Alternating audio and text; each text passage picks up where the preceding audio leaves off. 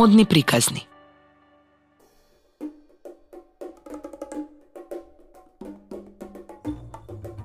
Пол Пуаре Галантниот моден тиран и дизајн реформатор. Автор Никола Евтимов. Пол Пуаре и Мариано Фортуни биле модните творци кои на почетокот на 20 век ја воделе постојаната борба за ослободување на женската мода од рестриктивните, историски наследни, типови облека и модни додатоци. Како и Фортуни, Пуаре ја наоѓал инспирацијата во облеката и културата на Стара Грција, Рим и различните ориентални цивилизации. Пол Пуаре бил еден од наследниците на алтернативните тенденции на периодот за осмислување по рационална облека – предложени од одредени интелектуални кругови на Европа, тогашните женски сдруженија, медицината и науката воопшто. Од естетско-стилистички аспект, творештвото на Пуаре се инспирирало и се надоврзало на интернационалниот стил познат како Арново, подоцна и Ардеко, современите тенденции на сликарството, особено од аспект на колоритот, руските балети на Сергеј Дјагилјев и така натаму. За разлика од Маријано Фортуни, кој растел во добростоечко и уметничко семејство, Пол Пуаре животната приказна ја започнал многу поскромно. Бил роден на 20 април 1879 година во Париз. Уште од најраната возраст, Пуаре бил убеден дека го очекуваат многу поголеми работи во животот. Овој мал мечтател ја имал сета поддршка од мајката и трите сестри. Единствено, татко му бил упорен во намирата да му ги скроти темпераментот, самоволноста и самобендисаноста. Патем обседнатоста со самиот себе и нарцисоидната црта во карактерот, подоц на позиционирањето на самиот себе како тиран на модата и така натаму, го следеле целиот живот. Не е далеко од вистината мислењето дека ваквиот карактерен склоп, големите трошоци за животниот стил и одбивањето да се соочи со обштествените промени, а со тоа промените во модата во периодот пред и по Првата светска војна, придонеле за неговиот несреќен крај. Неговиот татко, трговец со ткаенини, во обид да се справи со темпераментот на синот и неговата горделивост, веднаш по завршувањето на училиштето го принудил да почне со работа кај произведувач на чадори. На работното место тој собирал остатоци од свилени ткаенини, користени при кроењето на деловите на чадорите и подоцна, во вечерните часови во домот, од нив правел миниатурни облеки драпирани на дрвена кукла што му ја подарила една од неговите сестри. Една од лекциите што Пуаре ја научил на оваа работно место била важноста на убаво стокмената на дворешност. Лекција што може би ја имал сватено премногу буквално. За да се разбере идниот развој на Пуаре, би требало да се напомене дека во овој период модните ателија во Париз биле поделени на конзервативни, со најчести клиентки од редовите на аристократијата и богатите буржујки, и либерални, во кои доаѓале актерките и другите звезди на сцената. Да го употребиме терминот произлезен од дело на Александар Дима. Втората група на ателјеа биле свратилишта на Деми Монденките.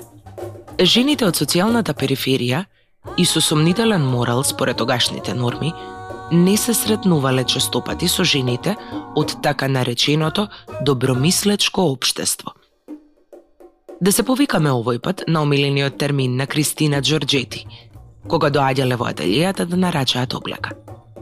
Уште како тинејџер, Пуаре почнал да продава модни скици на различните куќи, како куќата на Луис Шеруи. Ваквата практика ја продолжил до неговото вработување кај Жак Дусе, Таму ја имал можноста да разработува дизајни на костими и различни типови наметки, некои од нив продавани во многобројни копии. Првичната слава на Пуаре ја должел на црната наметка, направена од тул преку тафта, насликана од познатиот сликар Наладала Биоте. Ова парче облека го носела на сцена актерката Режан за представата Заза – Соработката и пријателството со Режано одиграле значајна улога во подоцнежната кариера на Пуаре, особено во периодот додека го воспоставувал собственото ателје. Искуството кај Дусе за младиот Пуаре не било значајно само поради можноста да дизајнира облека, да го учи за наедот и работата со клиенти, туку и поради можноста да се вдахновува од атмосферата во модната куќа на етаблираниот кутурие. Инаку познат колекционер – и да учи за софистицираниот животен стил. До се уште во младоста почнал да создава збирка на мебел од 18 век. Собирал различни уметнички објекти, слики, скулптури, книги и така натаму. А подоцна, со голем ентузијазам дал поддршка на делот современите уметници. Некои од нив учествувале во осмислувањето на интериерот на неговото ателје.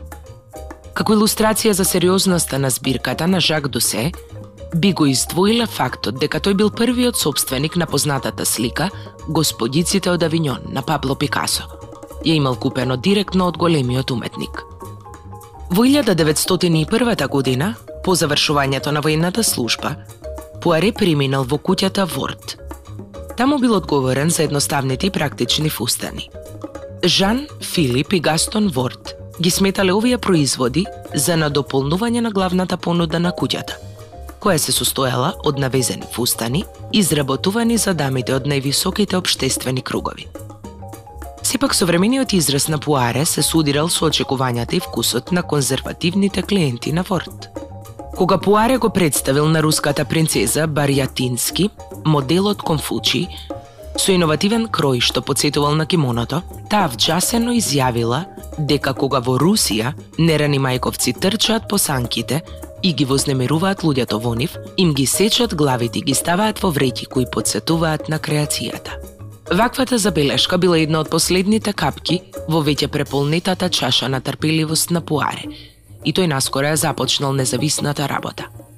Со помош и заштита на актерката Режан и 50.000 франци од неговата мајка, Пуаре во 1903 година го отворил своето прво ателје. Режан била како магнет – Кади да се појавила со незините две бели магариња, подарок од кралот на Португалија, таа привлекувала обожаватели и имитатори. Уште во периодот поминат кај Дусе, Пуареја сознал моќта на популарните жени како Режан да донесат нови клиенти. Три години по отворањето на собственото ателје, Пуаре веќе бил звезда. Од неговата модна куќа тој е започнал личната борба за ослободување на женското тело – Не сме да се заборави дека Пуаре тоа го правил пред се од естетски причини. Во 1903 година, тој го отстранил подздолништето, а во 1906 година корсетот. Транзицијата кон облека без корсет се случувала постепено. Најнапред ја променил формата, а потоа го заменил со вид на појас и еластичен градник, со цел да се обликува силуетата во делот на градите – Во 1909 година голем дел од неговите креации биле со антички инспирација и инспирација од периодот на директориумот од крајот на 18 век. Линијата на половината била крената под градите. Исто така тој предлагал креации базирани на контроверзното кимоно, кои не биле рестриктивни според кројот, ниту подразбирале употреба на внатрешни структури.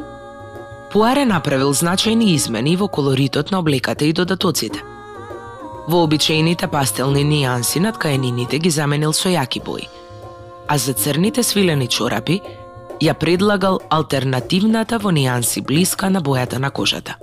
Еден од новитетите кои не поминале добро кај дамите од Париз биле екстремно тесните столништа во долниот пораб. Тие ги принудувале жените да прават мали чекори како геишите – Неуспехот на овој моден предлог од 1911 година воопшто не го разочарал Пуаре.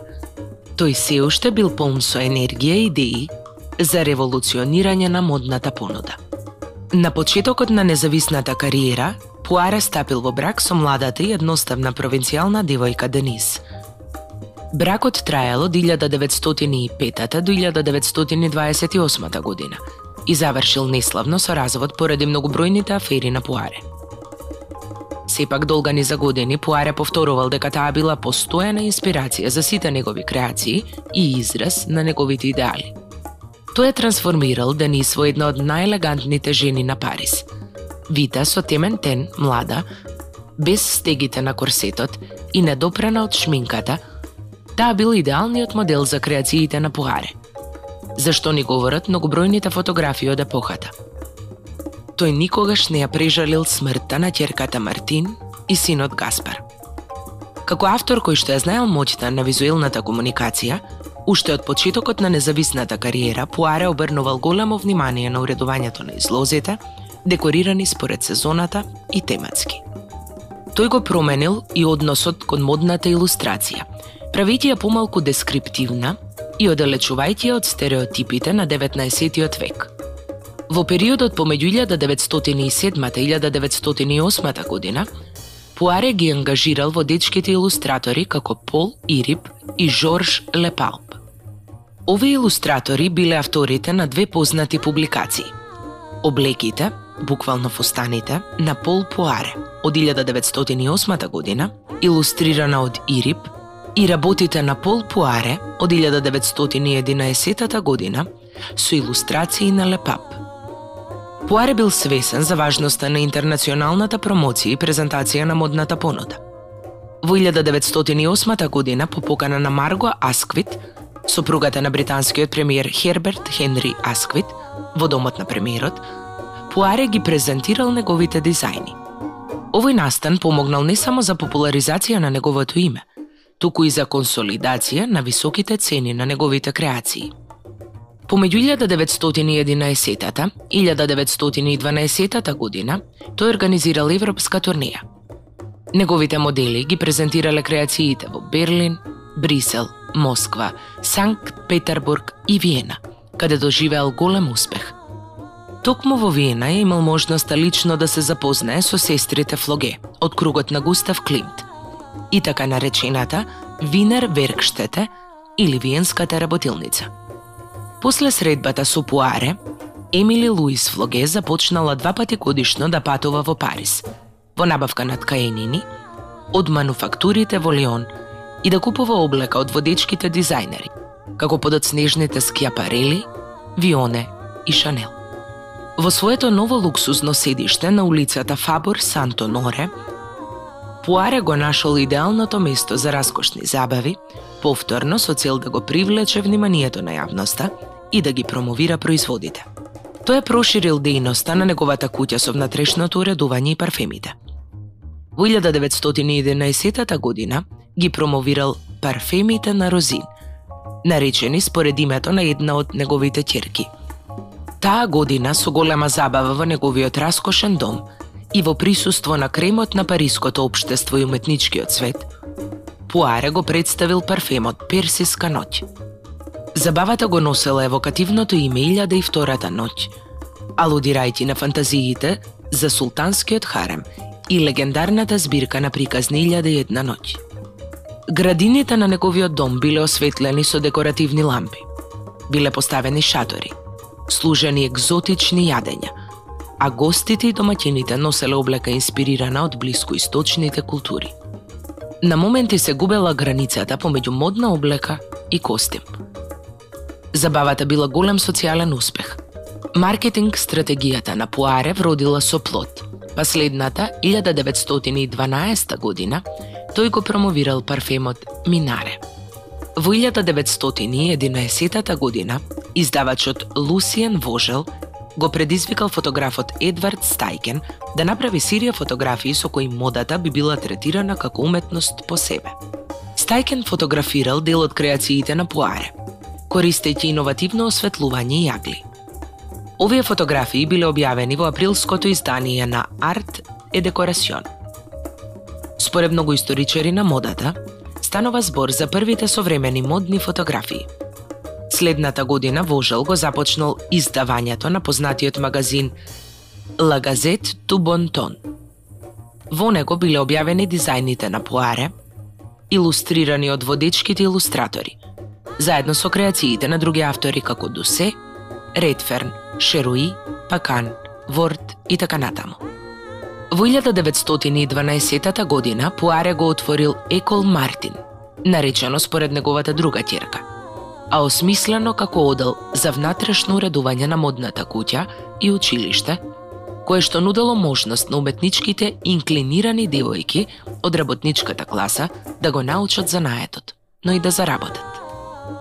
Во 1911 година, Пуаре отстапил дел од имотот на улицата Фабур Сантоноре на пријателот Анри Барбазанш, која отворил галеријата Барбазанш. Пуаре го задржал правото два пати годишно да изложува таму. Оваа галерија станала култно место по изложување на делата на Пабло Пикасо, Амедео Модилјани и така натаму.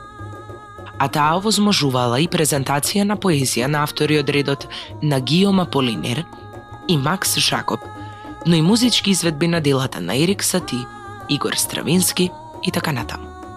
На почетокот на Првата светска војна Пол Пуаре ја напуштил модната куќа за да изврши воена обврска. По неговото враќање во 1919 година, тој ги минал првите посериозни кризни моменти, наоѓајќи го бизнисот на работ на банкрот. Генералната атмосфера во Париз била промената, а на модната сцена се појавиле автори како Шанел, кои произведувале едноставни, елегантни парчиња облека со високи стандарди во изведбата. Заслепен пред обштествените промени, надевајќи се дека триумфално ќе се врати на модната сцена. Пуаре направил неколку обиди за промоција, трошејќи големи суми на пари. Ваквите погрешни чекори уште повеќе ја влошиле неговата финансиска ситуација. Во обид да ја надмине оваа состојба, Пуаре заминал во САД. Во 1922 година бил поканет да дојде во Њујорк и да дизајнира костими облека за звездите од Бродвеј. Заминал на пат во друштво на неговата водечка дизајнерка Франс Мартано и дел од неговото обкружување. После искуството од елегантното патување со брод, добро документирано со фотографии, Пуаре пристигнал во Њујорк и се соочил со за него туѓо културно милje. Тој не се снашол во новата средина и наскоро решил да се врати назад. После неговото враќање во Париз, Уаре се соочил со драстичен пат на популарноста. Долгови и недостиг на поддршка од неговите деловни партнери. Залудни биле повторните промотивни напори, поканувањето на славни личности на неговите презентации, опремувањето на луксузните бродови на Сена од 1925 година, претераната дарежливост и повторното трошење на големи количини пари со надеж дека ќе ја подобри ситуацијата во куќата.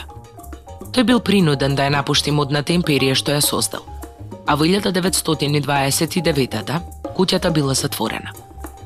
Остатокот од неговите производи биле продадени на кило, како партали. Во периодот на финансиското преживување Пуаре се обидувал да заработи на различни начини – Продавал ефтини дизајни за различни печатени публикации, а потоа бил принуден да заработува и како уличен сликар, нудејќи цртежи по париските кафулиња. Извесно време постоела иницијативата од страна на Синдикалната комора на висока мода да му се помогне на Пуаре со одредена месечна сума пари. На иницијативата се спротиставил Ворд, тогашниот председател на ова тело. За ваквиот несреќен епилог на ова иницијатива, одредени историчари на модата, како Аурора Фјоренети, ја потенцираат улогата и на Шанел, која била во лоши односи со Пуаре. Само Франс Мартино, подоцна маже на Бенура, неговата пријателка и некогашна главна дизајнерка пред Првата светска војна, и покрај непријатните искуства со него во одредени периоди од заедничкото работење, решила да му помогне до крај. Во последните години на неговиот живот, Пуаре постојано јадел во незиниот дом, таа не дозволила некогашниот голем дизајнер да остане гладен. Пол Пуаре умрел на 30 април 1944 година, потполно заборавен од сите. Големата дизајнерка, Елза Скјапарили, се потрудила неговото име да не отиде во потполн заборав и го платила неговиот погреб. Наследството на Пол Пуаре е значено од многу аспекти. Иако не бил единствениот дизајнер кој што се борел против употребата на корсетот, Неговата работа на ослободување на женското тело имала далеко сежни последици за идниот развој на модниот дизајн. Честопати цитиран како ориенталист во модата, тој предлагал поинаква визија за облеката од дел од тогашните тенденции, базирана на различни источни традиции. При изведбата го предпочитал драпирањето пред кроењето според кроеви. Иако бил критикуван за поинфериорна изведба во однос на некои следни дизајнери, како Шанел, на пример, сепак без здиво ставаат доработките на неговите креации, употребата на бои и на моменти без временската елеганција и едноставност на линијата кај некој од неговите остварувања. Тој бил гениален и во маркетинг стратегиите за промоција. Го доразвил делот на презентација ја осовременил модната илустрација, а со воведување на производи за внатрешно уредување и парфеми се приближил на современата перцепција за животниот стил, чиј интегрален дел е модата. Неголемите светски музеи за уметност и мода во своите збирки поседуваат облека, додатоци и костими на Пол Пуаре, а во последните децении на минатиот и почетокот на новиот век бија организирани неколку големи ретроспективни изложби посветени на творештвото на овој моден великан. Во 2005 година модниот дизајнер Азеди Налаја ги изложил во неговиот шоурум парчињата облека од личната збирка на Денис Пуаре пред да одат на аукција. Оваа изложба била насловена Слободна креативност. Подоцнежната аукција ги срушила рекордите во продажба. Едно од палтата за возење на автомобил, што Пуаре го дизајнирал во 1914 година, било продадено за 110.000 евра. На оваа аукција, Музеот на уметност Метрополитен од Њујорк купил многу од парчињата на Пуаре. Тие станале јадро на ретроспективна изложба организирана од оваа институција во 2007 година насловена како Пол Пуаре, кралот на модата.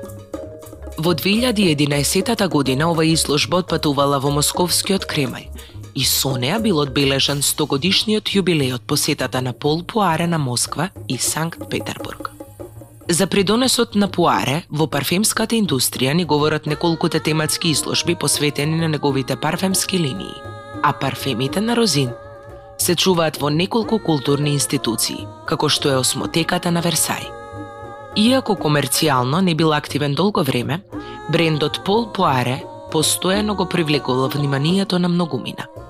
Извесен период, неколку собственици ги делеле правата на името на брендот – На почетокот на втората деценија на 21. век, компанијата Луванис со седиште во Луксембург и специализирана за оживување брендови во мирување, ги купила правата за глобална употреба на трговската марка Пол Пуаре. Оваа компанија побарала од Лондонската инвестициска банка, Савини партнери, да најде најсоодветен предприемач. Јужнокорејскиот конгломерат Шинсеге кој исто така дистрибуира големи интернационални модни брендови, бил избран за најсоодветен играч за обновување на брендот и во 2015 година ги купил сите права за користење на името. Во јануари 2018 Шинсеге го потврдил повторното интернационално стартување на Пол Пуара Парис под водство на белгиската деловна жена Ан Шапел и кинеската дизајнерка Ји Чинг Јин, стационирана во Парис. Презентацијата на првата колекција на обновениот бренд се одржа во 2019 Но само две сезони по тој историски исчекор, компанијата излезе со известување дека креативната директорка не е веќе дел од тимот. Премногу е рано да се прогнозира иднината на возобновениот бренд.